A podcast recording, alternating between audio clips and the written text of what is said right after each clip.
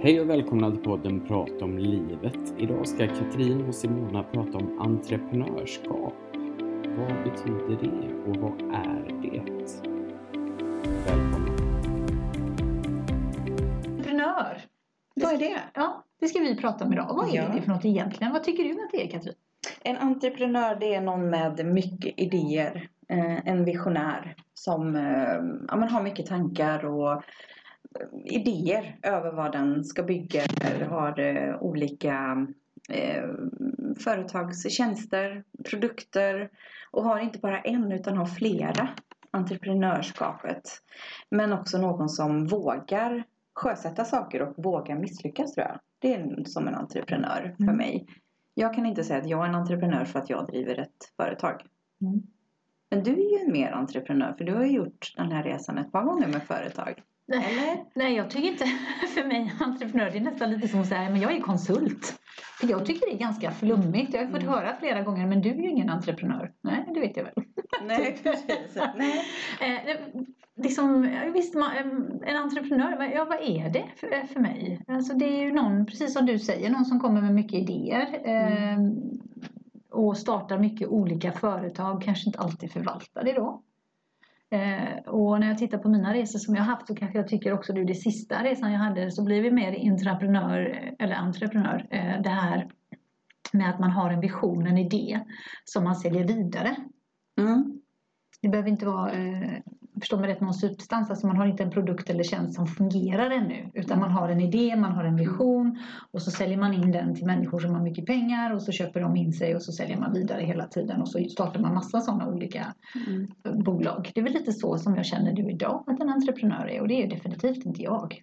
När jag tänker på det här tv-programmet som gick där det satt såna här dragons, eller vad kallar de för? Just det, Som- Dragons Den. Ja. Det tyckte jag var när alla skulle komma in där och berätta sin idé som de verkligen brann och trodde på och så var det några som kände att ja men det här Mm. eller bara nej sågar dem rätt under knäna. Men några som bara men det här kan jag tänka mig att gå in med det här och det här utan att ens veta så mycket utan då är det verkligen en idé eller hur införsäljningen av produkten eller tjänsten tjänsterna. Jag tyckte det var ett väldigt intressant program men det är så många år sedan jag såg det innan jag ens hade startat det här bolaget. ja, men jag har ju varit med om att pitcha en idé. Ja. på det sättet. Att eh, hålla på och pitcha för olika människor för att få in pengar då för att eh, få eh, den här produkten att eh, byggas. Och det var en väldigt spännande resa och det som jag har förstått och, och det de säger att det är ju så att de satsar inte pengarna egentligen på, alltså idén måste ju vara bra men de som driver idén de måste se att de människorna brinner, alltså de har en passion och de vet vad de gör. Eh, Så att de går väldigt, väldigt mycket på människorna när de satsar pengar. Och det här sunda förnuftet då, det här att man inte heller slösar med pengar utan att man är väldigt eh, sparsam med pengar. Så att pengarna bara går till produkten eller tjänsten då som man ska skapa helt enkelt. Mm. Men då är det också frågan, hur hittar man investerare och eh, behöver man investerare? Jag tänkte eh, titta på dig, tänkte fråga dig menar jag. tänkte titta på dig. Eh, för du har ju företag, har du Mm. känt att du behöver investerare någon gång? Ehm, nej, faktiskt inte. Eller ja, i början kanske man hade behövt det. För då var det ju, det är från noll. Mm. Så. Och Mm. inga, inga pengar in eller någonting. Utan verkligen jobba från noll och framåt. Liksom köpte en dator och mobil och Yes, nu är det bara att sätta sig och, och ringa lite. Eh, men under tidens gång, eh, nej. För jag tänker att det kanske är att man vill ehm, investera kanske att köpa en fastighet för att ha sitt företag i. Eller om man ska utveckla sin tjänst eller produkt. Men nej, jag har faktiskt inte behövt det. För att det inte har varit något sånt här nyskapande. Utan att det är en tjänst som man säljer. Mm. Jag har ju haft tre resor egentligen när det gäller egenföretagande. Och den första resan hade jag ju och byggde upp ett företag med den personen som jag bodde ihop med i väldigt många år. Nu ägde inte jag företaget men jag satt med i styrelsen. Eh, och vi levde ju på min lön i väldigt många år eftersom det ska man ju veta när man startar ett företag så så behöver man antingen ha en ordentlig buffert för två år där man kan leva snålt men ändå man betalar alla räkningar och man kan köpa mat på bordet och kläder till barnen om man har det och så. så att, eh, eller att det är en då som jobbar Mm. och får in den här lönen och så får man leva snålt sådär. Eh, och där behövdes det inte tas in pengar. Eh, så, och där var det viktigt för den personen som jag bodde ihop med då att, eh, att företaget ägdes av en person för att den, man skulle bestämma själv, förstod jag lite så. Mm. Och sen hade jag resa nummer två, där startade jag ju ett företag, då ett aktiebolag på grund av husfridens skull skulle jag vilja säga nu idag. Det var ingenting som jag ville eller var beredd på eller så utan det var mer situationen som var just då.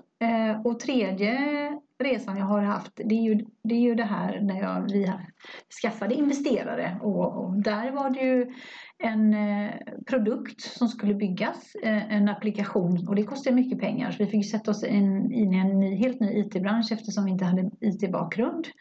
Eh, och eh, kände att för att eh, få in alla de här pengarna för att bygga den här applikationen eh, både i vad det nu än heter, Android och i borde jag ju kunna de här orden men det kan jag faktiskt inte.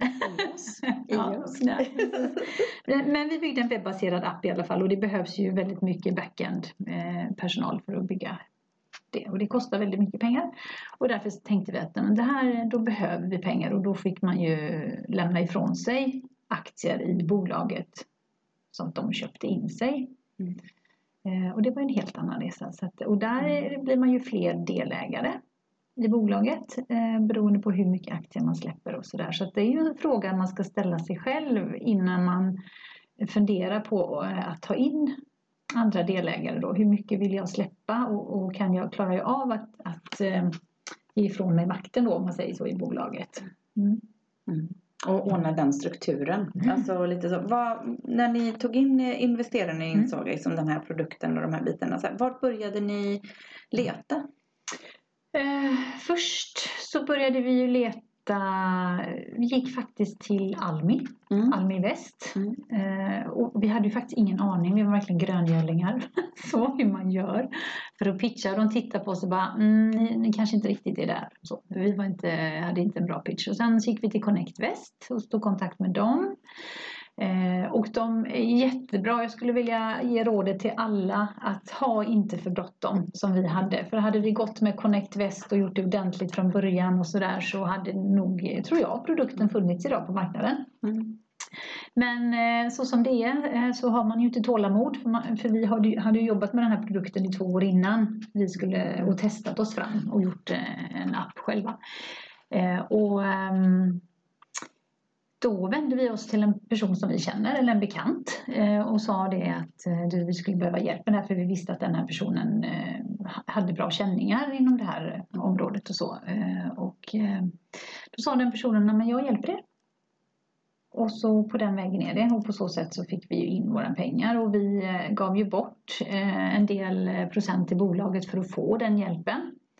Eh, och det jag kan säga som en lärdom där också då det är ju att när man väljer att ge bort procent för att få tjänster för man har inga pengar som man kan betala eh, så är det bra om man skriver på papper vad den personen ska utföra och när den personen har utfört de här grejerna då ska den få procenten och inte innan. Okay. Mm. Så det var en sån här jättelärdom verkligen. Att, mm. Eh, och samma sak när man pitchar idén eller går till stora företag som vi gjorde. och det här tänkte inte vi på. Det är att man har en, ehm, en klausul eller man, man har en, eh, ett sekretessavtal som de här personerna får skriva på innan de får se powerpointen eller höra din pitch på, på produkten. Och det är det som är så bra med Connect West och Almi och de här. De har ju sekretessavtal. Så alla som går in där eh, har det. Så, att, så, så, började vår resa och eh, den började ganska fel där. Mm. För att vi hade helt olika vision. Eh, vi pratade lite grann om det här med traditionellt. Så som jag liksom ser på ett företagande att vi har en produkt och vi ska se den att fungera och vi ska generera pengar. Medan eh, förståelsen är att det var inte alls de, den den synpunkten som de andra personerna hade som kom in utan de tänkte bara gör produkten Eh, och sen så säljer vi vidare idén och så får ni flytta på er. Ni ska inte jobba med den. Mm. Så det krockade ganska mycket där. Mm. Vi, och det var ingenting som var uttalat i början. Eh, och det ska man också veta det att, eh, att när man tar in pengar så ta in för mycket pengar. För första gången som du värderar en produkt eller bolaget så har du, du har inte skapat någonting så utan det är ju idén. Mm. Eh, och pengar försvinner ganska fort även om du är väldigt snål, vilket vi var. Vi hushöll väldigt, väldigt hårt med pengarna. Eh, så vi klarade oss väldigt, väldigt länge, vilket vi förstår att det var inte intentionen från början utan efter sex månader så skulle vi liksom vara, vara bankrutt, men det var vi inte. så, utan vi, vi hade ju lärt oss den hårda vägen. Eh, så där skulle jag vilja säga till alla som då återigen funderar på det här med investerare så, se till att ta in för mycket pengar. Så att ni inte behöver göra en ny emission och, och splittra mer aktier och, och sådär. Utan att ta in så att ni har så att ni kan eh, jobba med det och vara snåla. Så behöver inte sitta på fancy kontor och det här utan man kan sitta på i en källare och jobba och få, bara se till att få produkten klar liksom, eller tjänsten klar, vilket man gör då. Det tror jag är det bästa så blir det väldigt bra. Och de här investerarna också som man tar in, att man ska vara väldigt klar med vad är det för hjälp jag vill ha.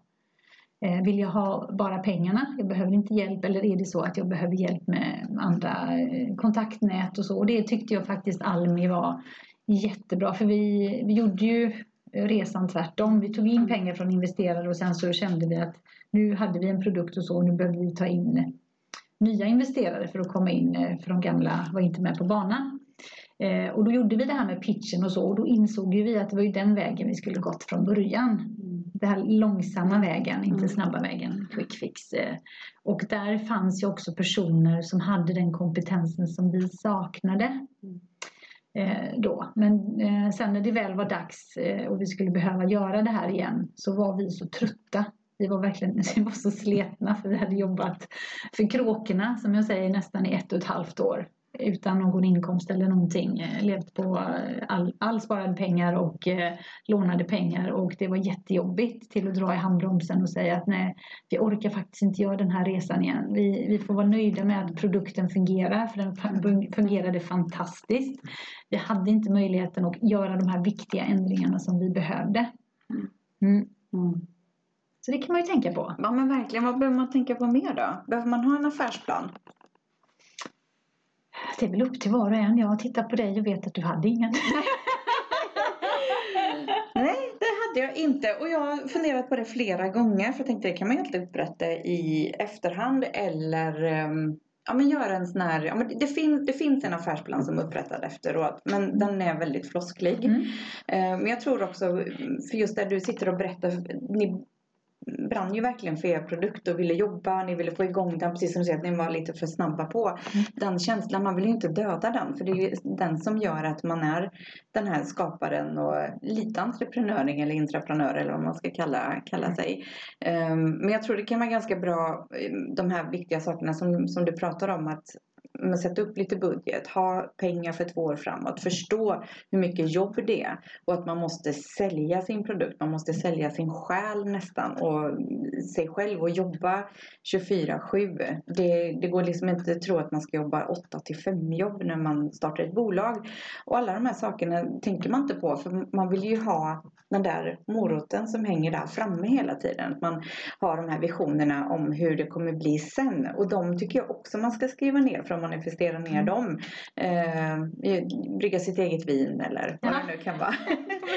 Ekonomiskt oberoende. Nej men alla har ju olika delar. Eller bara nej jag vill eh, starta den här produkten och sen vill jag ha ut så mycket pengar som möjligt. Sen vill jag starta nästa. Alltså alla är lite olika. Jag tror att man behöver ha en varför gör jag det här? Kommer jag det här jobbet som det kommer innebära. Eh, är jag beredd på det och vad kan jag förvänta mig? Läsa på lite och sen ha den här visionen av vad man faktiskt vill. För annars tror jag att man hamnar i någon sorts limbo om man inte har en liten plan än att bara köra på lite så. För det är lätt att man gör det när man är inne i det för man är, man är rutinen, man är processen, man är produkten, man är tjänsten om man liksom har ett eget företag. Går man ihop flera stycken då sitter man ju liksom inte i samma båt tänker jag.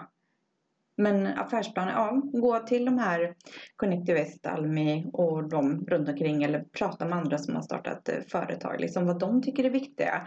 Och deras lärdomar och misstag. För misstag måste man göra. Du kommer att begå misstag. Du kommer att falla hårt och skrapa upp knäna, få näseblod och inga tänder kvar. Nej, Nej men alltså sömnlösa nätter. Det är ja. otroligt mycket jobb. Precis som du säger, man lever på luft. Mm. Um, och det är då man inte får ge upp. Jag tror det är där många dyker faktiskt. Att de liksom ger upp i den här när de tycker att det är lite jobbigt. Vad kan man göra då? för att liksom när man kommit så här långt och är nära mållinjen, finns det någon man kan prata med? Finns det någonting man kan göra? Ja, då kanske man ska ta fram den här visionen. Varför är det jag startar det här? Liksom öppna den dörren till den dagen man faktiskt insåg att jag vill, nu vill inte jag vara anställd längre, nu vill jag driva eget. Eller vad kan man göra så att fler lyckas? Men jag tror eh, lite, ja, det jag funderar på när du pratar här nu eh, och eh, det är ju det här att vi ser ju alltid de lyckade exemplen. Mm. Vi ser ju inte de som är inte lika lyckade. Men jag kan ju säga då eftersom jag har haft inte så lyckat att den lärdomen jag har fått med mig har ju varit fantastisk. Jag skulle aldrig vilja vara utan den. Nej. Herregud, eh, det måste jag säga. Och sen också det här i och med att man bara ser de lyckade exemplen så förstår man inte baksidan, hur hårt det. Nej. Eh, och, och att man faktiskt lever med det, precis som du säger, 24 timmar om dygnet och trillar och slår ut tänder och allt, allt vad man Yes. Ja, gör. men det, man blir brutalt misshandlad. Man måste någonstans tycka om att få lite stryk om Ja. man ska driva ett företag. Ja, för ett nej är inte nej, det är ett kanske. Lite längre fram är det ett ja. Liksom. Ja. Att man, man Ja. är så fokuserad på det att man, Ja.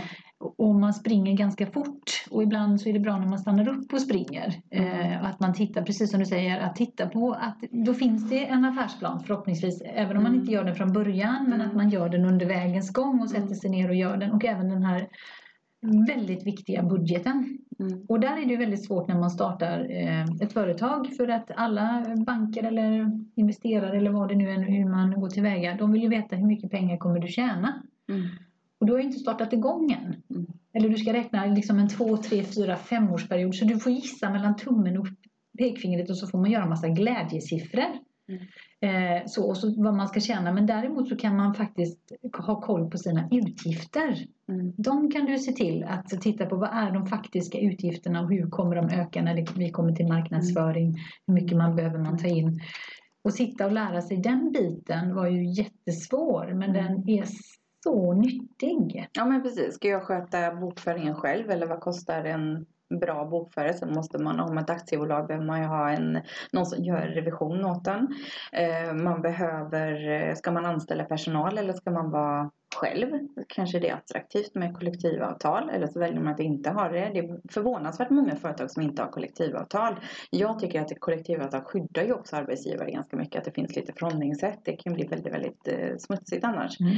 Eh, och det här med att eh, man kanske inte behöver en fancy lokal precis som, som du sa. Att det är första man tänker på, jag måste ha en lokal. Nej, du behöver en dator, en telefon, ett kontaktnät, ett jäkla driv, en affärsplan, en vision, hit vill jag hamna. Och sen därefter för liksom, precis som du är inne på det här med budget, att ja, men det här kommer kosta.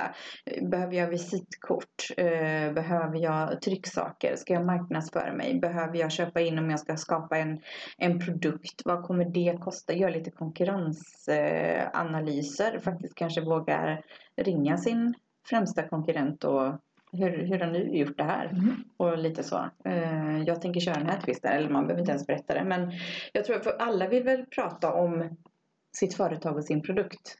Så jag tror att man kan få ut ganska mycket eh, utav det. Jag tror att man behöver vara en, en lite sneaky person också i företagande. Jo, men det, jag tror bara det är nyttigt. Man ska ju titta på de som, som har, är framgångsrika. Vad är det de har gjort? Man ska inte uppfinna hjulet en gång till. Nej. Men man kan ju Mm. förädla den efter, på sitt unika sätt. Mm. Men titta att ja, men så här gjorde de och där funkar det, där funkar det inte. Då behöver man ju inte göra om den, det Nej. misstaget om man faktiskt eh, om det är en lika produkt eller en lika tjänst Mm. som någon annan redan har. Så titta på de som är bra på det. Mm. Titta på de som är bäst.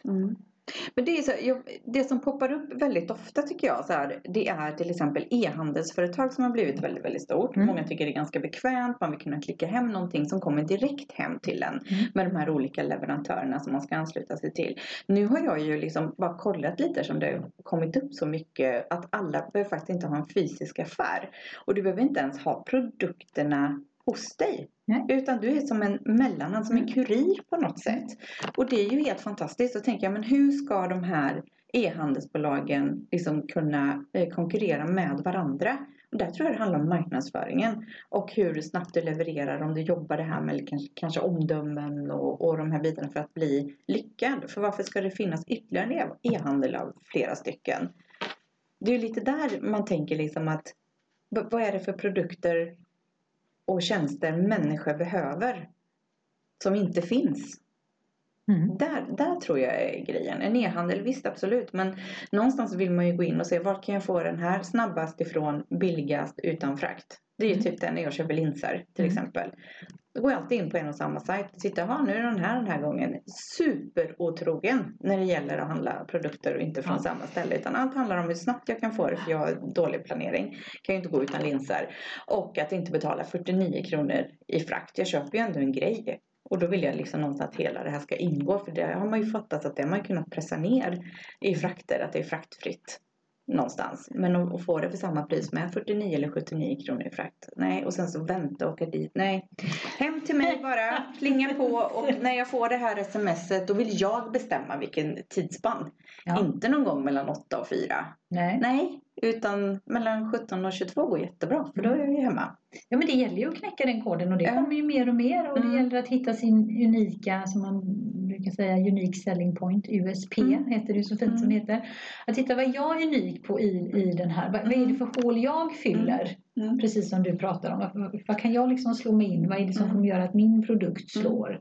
Mm. Till exempel när man gör ett, eh, alltså det finns ju hur mycket hudvårdsmärken som helst eller Mm. Mm. eller om man skulle ta den branschen, skönhetsbranschen som är väldigt lukrativ och då gäller det att hitta vad, vad är det som du säger också med marknadsföring, vad är det som gör min produkt unik och eh, idag har vi ju influencers som, man, som tjänar hutlösa pengar på Mm. att eh, visa upp produkten på sitt Instagram eller eh.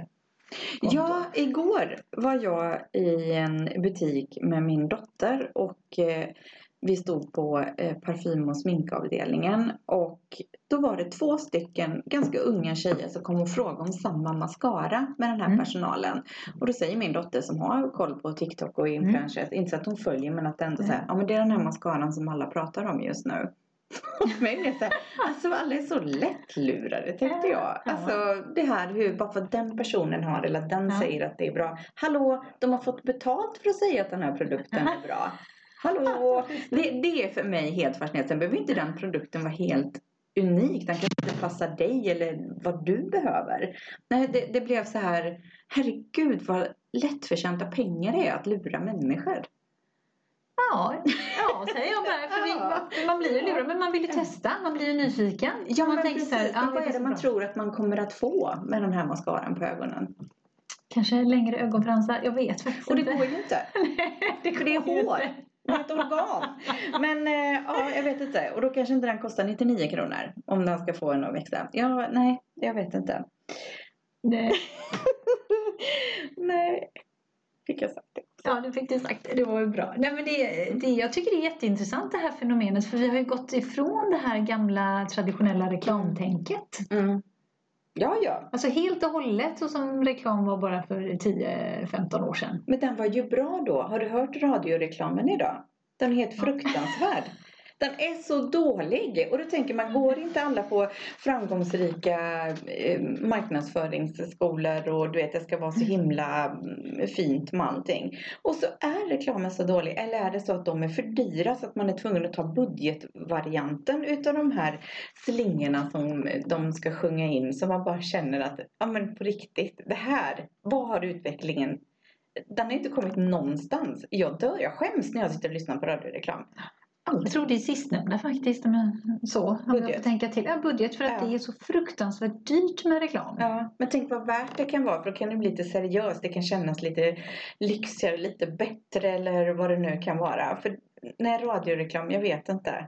Nu, det poppar upp så många låtar, jag tänker inte Nej. bjuda på en enda här. Men eh, nej, den är för mig, det, jag, nej, det blir pinsamt. Ja, fast nu jag. har man ju liksom börjat med Snapchat, eh, reklam. Att man kan ju Mm. köpa områden. När man Mm. går in i ett område så kan det komma upp eh, reklam. Man kan välja ålder, eh, Mm. kategori, jag kan välja kön, jag kan välja ganska mycket. Mm. Så reklammarknaden ser ju helt annorlunda ut än det här gammaldagsa tidningsannonser som fanns då. Ja, det är mer riktat nu. Alltså man är ju så eh, kollad Mm. alltså, av eh, den digitala sfären. Alla de här villkoren som man godkänner när man skaffar en app, till Mm. exempel Instagram. Mm. Herregud, de har ju tillgång både till, till din kamera, Mm. till ditt ljud, för att sitta och prata om någonting eh, tillsammans som vi gör här med varsin mobil här nu. Undra vad vi kommer att få för reklamer nu för att det snappas upp de här grejerna runt omkring. Mm. För att det är den marknadsföring som är idag. Vi är otroligt överbevakade.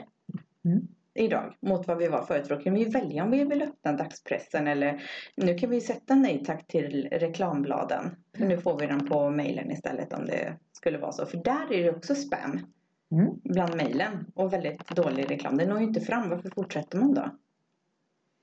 Jag vet faktiskt inte. Men, eh, ja, men, det, ja, men jag förstår dig. För jag blir också upprörd när man pratar om någonting. Eller man, sitter, man har ett telefonsamtal eller vad som helst. Och helt plötsligt så kommer det reklam om det som man har pratat om. Och så blir man så här, mm, jag känner mig bevakad. Och det är ju ganska slukt och smart.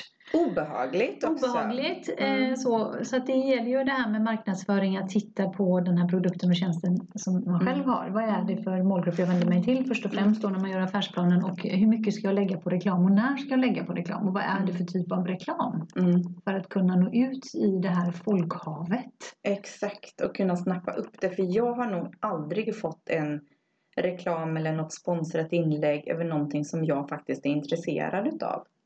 Faktiskt. Eller som jag tror att jag behöver. Mm. För det är ju reklam är ju att man ska skapa och tro att man behöver Mm. den här mascaran till exempel. Eller vad det kan vara. Men det, har, det lyckas inte.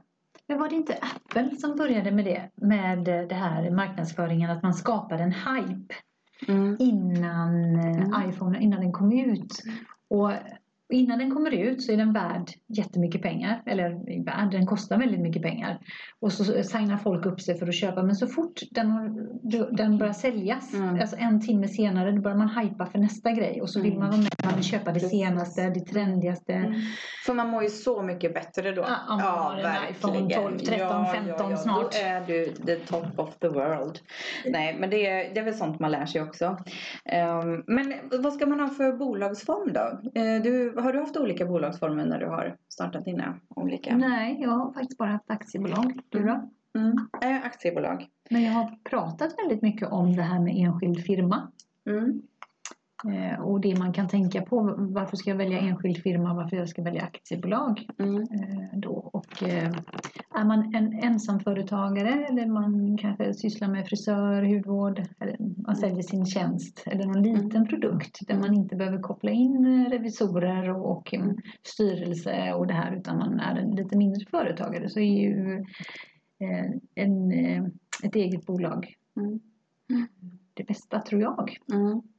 Mm. För aktiebolag det är också en trygghet om, om det skulle skita sig. Mm. Lite så. Eh, för det måste man ha med i beräkningen att det kan Mm. skita sig. Mm. Även om man ska jobba 300% att det inte ska bli så så kan det vara ganska bra att kolla upp de här. Och jag vet att till exempel Skatteverket har en eh, en typ webbinar där du behöver ta reda på allting vad man behöver tänka på.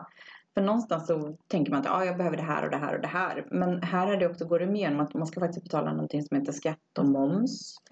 Eh, man ska deklarera både det ena och det andra. Man betalar eh, skatt på skatt på skatt känns det som ibland. Eh, och det kan vara ganska bra också för att när man ska plocka ut sin första lön, kanske efter ett halvår, ett år, eh, så behöver du faktiskt eh, betala arbetsgivaravgifter och sånt för det också. Det går liksom inte att plocka ut pengar hur som helst ur ett, ur ett företag. Eh, vilket också är väldigt bra att ha med sig, att man går in och kikar så man inte åker dit för ekobrott eller något. Det Ja, hade men varit jobbigt. precis. Nej, men jag brukar säga det att vill du ha ut 20 000, bara för att ge ett lätt exempel, i plånboken så måste du dra in i alla fall minst 40-45 000 in i bolaget som du ska betala i skatt och sociala avgifter och allt vad det är för något för att du ska kunna ha 20 000 i plånboken. Mm. Så jag tycker det är en bra regel att gå efter. Mm. Eh, när man tänker, och precis som du sa det här med enskild firma, du är ju bolaget för det är ju ditt personnummer. Eh, när du har ett aktiebolag så får ju aktiebolaget ett eget personnummer. Mm. Eh, och, eh, men där ska man också veta att, eh, att man blir granskad väldigt mycket. Mm. Man kan råka ut och betala också även om man inte Mm. vad ska man säga, är, eh, är bolaget utan bolaget är en egen person så, så att säga. Och det är om det är oegentligheter, att man har försökt lura Mm. systemet eller lura eh, ska man säga, säljare eller så att man lägger företaget i konkurs och så har man precis köpt en eh, bil för en miljon till exempel. Mm, mm. Så, eh, så det finns både för och nackdelar Mm. med båda. Jag tror man behöver titta på återigen eh, ja, det lilla jag börjar med. Mm. Och det är så viktigt när man börjar med ett företag. Det är att man, man tittar så att man redan har kunder. För du får ju lov att ha en, en liten hobby verksamhet och tjänar, jag tror att det, nu kanske jag säger fel, men jag tror att det är upp till 30 000 eller någonting sånt där som du får, får lov att tjäna skattefritt. Allting över där ska du betala skatt på och moms på. Eh, och då kan det vara bra att man har kanske en enskild firma och så har man ett jobb vid sidan av. Till Mm. exempel om jag är en konditor eller eh, frisör. Mm. Så, eh, och jobbar anställd och sen jobbar jag lite hemma och så, så kan man eh, göra det. Och sen när bolaget växer då byter jag upp mig till ett aktiebolag. Eller så startar jag direkt. En enskild firma tror jag kostar 1000 kronor att starta. Ett aktiebolag kostar idag 10 000. 50. 50. Mm, jag tror till och med under covid att de har dragit ner det till 25. 25, ja men så är Mm. det. För att eh, när jag startade bolag, eh, min, resa nummer två kanske så här, mitt första Mm. egna bolag. Då kostade det ju 100 000. Då fick jag ju gå till banken och låna 100 000 för att, för att starta det företaget. Och resa nummer tre då var det 50 000 och jag tror Mm. de, de, precis som du säger att jag har för mig att de har sänkt det lite. Mm. Men där ska man veta att man behöver en revisor en gång om året och att det finns en styrelse i bolaget. Mm. Och är det så att bolaget tjänar under 3 miljoner om året så kan man skicka in en önskan om att inte ha en revisor. Mm. Eh, och då får Skatteverket gå igenom det där och så kan, behöver man inte betala de fruktansvärt dyra pengar som en revisor tar varje år. Det skulle man ska ha en bra revisor, man ska Mm. fråga sig fram och man ska ha, vill man inte göra sin egen bokföring, för jag tror att man ska pyssla med det man är bra på. Man ska inte tro att man ska kunna göra allt. Man kan leja ut det mesta, men också liksom jämföra lite äpplen och päron när det gäller eh, om man ska betala ut löner, om man ska ha någon som fakturerar, om man ska ha någon som ja, men hjälper till så behöver man jämföra lite och faktiskt veta vad man får Mm. få för pengarna och någon som har förståelse för din, eh, för din verksamhet också. Eh, sen är ju inte bara med att ta ut lön och betala skatter och sånt så är det ju det här med att kanske ha lite trygghet för sig själv, en försäkring. Mm. Sjukförsäkring, pensionsförsäkring, allt det här. För det är ju det du liksom ska bygga. Så det är också kostnader man behöver liksom ha med i, i beräkningen. Och sen när man ska anställa sin första personal om man behöver det. För förhoppningsvis så växer det och blir bra så att du inte kan jobba. Du kan ju inte jobba mer än vad, vad du har möjlighet till. Ibland behöver man två extra händer eller fler. Eller om man har en stor produktion att man behöver köpa in nya maskiner liksom, och investera i detta. Och, eh, banken har ju också, de kan hjälpa till med någonting som heter factoring. Att de köper. Det finns också andra bolag som eh, ringer sönder. Mm. Som vill köpa fakturorna så du får in pengarna så fort som möjligt Mm. så behöver inte du liksom stå för den risken också. Det är också ett övervägande om du vet att du har kunder som alltid betalar så har ju de också kanske drabbats av covid eller vad det kan vara som Mm. inte har möjlighet. Så som, man får ha med liksom lite skyddsnät. Man har en plan A, man får ha plan B, C, D, E liksom Mm. för alltihopa. Och det är inte så lätt för det enda man brinner för är sin produkt eller tjänst. Men man behöver ha med sig detta också om man ska eh, starta ett bolag. Sen tror jag, precis som det här att jag hade ingen affärsplan. Man lär sig på vägen. Och det, då får man vara en sån person. Mm. Att man har det. Men vill man ha jättetrygghet och jättekontroll då behöver man kolla upp de här sakerna. Och då är det faktiskt så att väldigt många väljer att inte starta ett bolag då. Mm. Det måste man ha med sig. Att det är inte så många som startar företag för att det är så jäkla läskigt när du börjar bena ner alltihopa. Och jag kan ju säga idag finns det ju väldigt mycket bra program, eh, ekonomiprogram när man startar företag som Mm. hjälper till eh, för en eh, mindre kostnad varje månad som också gör års, årsredovisning eller eh, som man skickar in eh, en gång om året när man deklarerar till, till Skatteverket.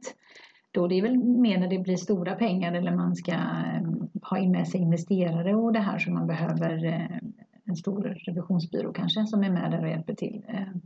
Jag brukar säga att det finns änglar, människor. Jag har ju haft en ängel, eh, Margareta, du vet vem du är, en ekonom som har hjälpt mig alla, alla år med det här med bokföring och moms, att betala momsen och det för att eh, eh, det hade jag ju ingen aning om när jag startade. Och det är så mycket regler. De ändrar Ja. reglerna hela Mm. tiden så att det är inte lätt att hålla, hålla koll på det. Så det här är, ska man satsa någonting så är det på de som har, gör, kan jag liksom ha koll på dina siffror så att det alltid är ordning och reda, snyggt och prydligt. Det är, ska du lägga pengar på något så är det det. Ja, inte det- en lokal. Nej, precis. Jag håller med dig. Inte på en lokal och en flashig telefon. Utan se bara till att telefonen funkar, att du har en dator som funkar. Mm. Så att du kan sitta någonstans ostört och jobba och sen så kan du byta upp dig så fort pengarna börjar komma in. Mm. Så kan man successivt liksom Precis, och pengar, pengarna kan försvinna lika snabbt också. Och någonstans ha med sig det, att någonstans aldrig slappna av. När det väl går bra, slappna inte av. För då behöver du springa lite fortare. Du behöver titta på nästa steg. Du behöver kunna vara med i tillväxtresa. Mm. Och de här bitarna. Så att det är ju, då ska du jobba 200% till. Mm. Samtidigt som att du kanske förvaltar. Så behöver du jobba 100% med att utveckla också. Mm. Ja, det, det är jättemycket att tänka på. Jag kom precis på en annan sak när vi pratade om det här med enskild firma. Och för er som sitter och har funderat och, och starta en liten enskild firma och kanske är arbetssökande just nu och är med i eh, eh, utvecklingsgarantin, höll jag på att säga, men det heter ju något annat. Inom jobben. Jobb och utvecklingsgarantin heter det. Jag jobbar ju med det hela tiden. Eh, så har man rätt till att starta eget bidrag för samma peng i sex månader. Eh, och då vill ju Arbetsförmedlingen att man skickar in en affärsplan och man skickar in en budget. Eh, tänk på det att ha lite kunder redan innan. För sex månader går så himla fort. Eh, och ta hjälp, all hjälp som ni kan få. Vill jag faktiskt säga där också. För det, det är så viktigt det du sa där. Eh, och jag förespråkar både Almi och Connect här i Göteborgsområdet heter det ju Connect Väst. Att man eh, går in på deras hemsida för de har gratis webbinariekurser idag eftersom man inte kan gå, gå dit på eh, kurser. Och där finns också ekonomi, där finns marknadsföring, det finns affärsplan hur man ska tänka. Man får ett nätverk, man kan bolla med likasinnande. Ja, det finns väldigt mycket bra grejer där som man, eh, även om man inte är redo att starta ett företag så kan man börja förarbetet. Mm. Jag tror att ju, ju tidigare man börjar och tar reda på all information och den dagen oavsett om det är ett år senare eller tio år senare Mm. så har man fått så mycket information så då kan man starta och då vet man att det blir en bra resa. Mm. Men du är också väldigt, väldigt ensam. Mm. Jätteensam. Ensam, du behöver vara väldigt säljande med din produkt. Den kommer inte, det kommer inte lösa sig av sig självt. Eh, du behöver vara otroligt envis. Du måste våga misslyckas. Kolla upp alla saker. Men du gör det helt själv. Du är 100% ensam hela tiden. Såvida inte du har med dig en, en delägare eller om ni är flera stycken som tror på en. Och även där är det ganska bra att skriva ner saker och ting, vem som ska göra vad. Lite som du var inne på investerarna, att man skriver lite klausurer och sånt för att eh, när det väl händer så kan det ju hända massa saker på en och samma gång. Någon kanske vill dra sig ur, någon kanske vill gå åt ett annat håll. Och därför kan det ibland vara bra att ha en styrelse från, från utsidan. Mm. Eh, när man väl hamnar i det läget också, att någon är med och bestämmer lite. Ja men faktiskt. Och vi gjorde min tredje resa här då när vi var två stycken som startade. Eh, Så var vi väldigt tydliga med våra arbetsuppgifter. Mm. Vad vi skulle göra så vi inte skulle göra varandras. Utan det här är du duktig på. Och det här är jag duktig på. Så vi hade helt olika roller i bolaget. Och det underlättade jättemycket Mm. faktiskt. Så jag, jag tänker lite på alla de här lärdomarna. Vilka lärdomar har du med dig som du skulle vilja dela med dig Katrin? Först Ja. där. Vi kan börja med dina Simone. Ja, vi börjar med mina lärdomar då. Och eh, som sagt var resa nummer ett. Då startade vi ju ett bolag. Jag var ganska ung. Eh, eh, bolaget fanns redan. Ehm, så jag var ju inte ägare. Det hade legat vilande. Men vi startade en eh, produkttjänst eh, tillsammans. Ehm, där jag då stod för ekonomin och personen som jag bodde med eh, jobbade i företaget, vilket är naturligt då.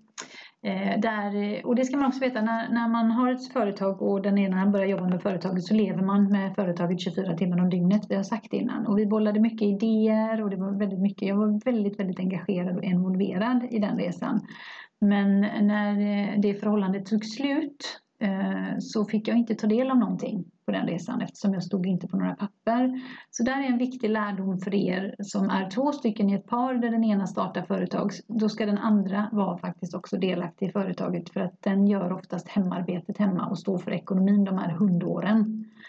Eh, så det var en lärdom. Resa nummer två, då eh, det här företaget som jag har nu då som ligger på vilande också lite just nu i coronatider. Eh, där skulle jag vilja säga att starta inte hals över huvud bara för att du ska göra det för husfridens skull eller för någon annans skull. Utan ta gärna den långa vägen, ta reda på vad innebär det att starta ett företag. Liksom. Eh, just med ekonomi och allting. Ta kontakt med Almi, ta kontakt med Connect eller vi har Yesbox ute i Gamlestan här i Göteborg som man kan eh, kontakta. Det finns jättemycket sådana här så man inte åker på de här smällarna och eh, inte förstår vad det innebär att starta ett företag. Eh, resa nummer tre har jag nog varit inne lite på eh, där eh, lärdomen där det är att lita på din produkt. Var tuff. Det är, de som investerar, de investerar för att de vill. Du, du är inte i underläge. Du behöver inte vara tacksam för att de investerar. Det blir en väldigt konstig rollfördelning. Ha papper ha papper på vad aktieägarna, eh, då i detta fallet investerarna, vad är det de eh, förbinder sig att göra och vad är, är det pengar eller är det en tjänst eh, och att det, aktierna faller ut när det blir klart. Ta in för mycket pengar återigen, mer än vad du tror att du ska ha för pengarna går åt väldigt fort så att du inte blir av med bolaget efter sex månader för att du ska behöva ta in mer pengar. Det är väl det som jag tänker på. Det är väl de lärdomarna jag har med, med mig. Och naturligtvis ha med dig människor som stöttar dig. Det är ju det viktigaste faktiskt. Att ha med människor som tror på dig, stöttar dig och som kommer med input och som kan ibland vara lite obekväma men som får dig framåt. För det, den största lärdomen eh, tror jag är att faktiskt våga Våga växa, våga tro på det lite till. I och med att man är så jäkla ensam så har man ingen som klappar en på axeln. Man är inte den som klappar andra. Nu har jag många anställda. Men man får alltid klappa. Men det, man känner sig väldigt ensam på toppen. Och eh, samtidigt som man är ner och dyker överallt. Och största lärdomen är att man ska våga växa och tro på sig själv. Man behöver någon som säger det till en än att man själv gör det. Så det är nog den största lärdomen. Våga växa lite till, våga expandera, våga ta för dig. Um, innan det hamnar liksom i ett, i ett läge. Gud vad jag inte vet vad jag skulle komma fram till. jag skulle bara vilja säga som en liten slutkläm här att eh, precis det du var inne på Katrin, att tro på dig själv, våga flyga, Mm. Liksom. Eh, och det är en resa man gör oavsett hur resan går. Mm. Ha en klar vision men eh, man får väldigt bra lärdomar med sig även när det inte går så bra. För det är jag och de är så viktiga. På. Ja men de är så viktiga och det är det man måste någonstans att ge inte upp där. Nej. Utan fortsätt. Öppna den där dörren till vad det var som du liksom har haft som vision när du ska mm. köra det här? Vad, vad är det du vill åstadkomma? Vart vill du hamna någonstans? Vad kommer nästa steg vara? Eh, kommer du vilja starta ytterligare ett företag inom någonting? Ett bolag? Det kommer jag säkert göra. Mm. Eh, så jag har så mycket idéer, jag har så mycket tankar. Eh, så, men som alla förstår när man gör de här resorna så blir det ju väldigt ekonomiskt tufft. Så man får bida sin tid och man får eh, hitta ett bra sätt. Vi har ju, jag har säkert tre idéer som jag skulle vilja förverkliga och, och mm. göra eh, då. Eh, du då Katrin? Absolut. Det mm, verkligen för nu andra gången för mig blir det då. Mm. Då vet man ju så mycket mer än första gången. För då var man verkligen som newbie. Så nu vet jag precis hur jag ska göra och vad jag inte ska göra. Mm. Så vad det blir, det får framtiden utvisa. Ja, och vad du kallar dig, entreprenör, egenföretagare eller whatever, det spelar ingen roll. Det viktigaste är ha roligt, tro på din idé. Tack för att du har lyssnat på oss här idag och vi hoppas att du vill lyssna på nästa avsnitt. Vi tar jättegärna emot feedback, eh, frågor, funderingar, tankar från dig som har lyssnat och då får du jättegärna mejla till katrin och simona.gmail.com och följ oss jättegärna på Instagram under, Instagram under samma namn Katrin och Simona. Hejdå!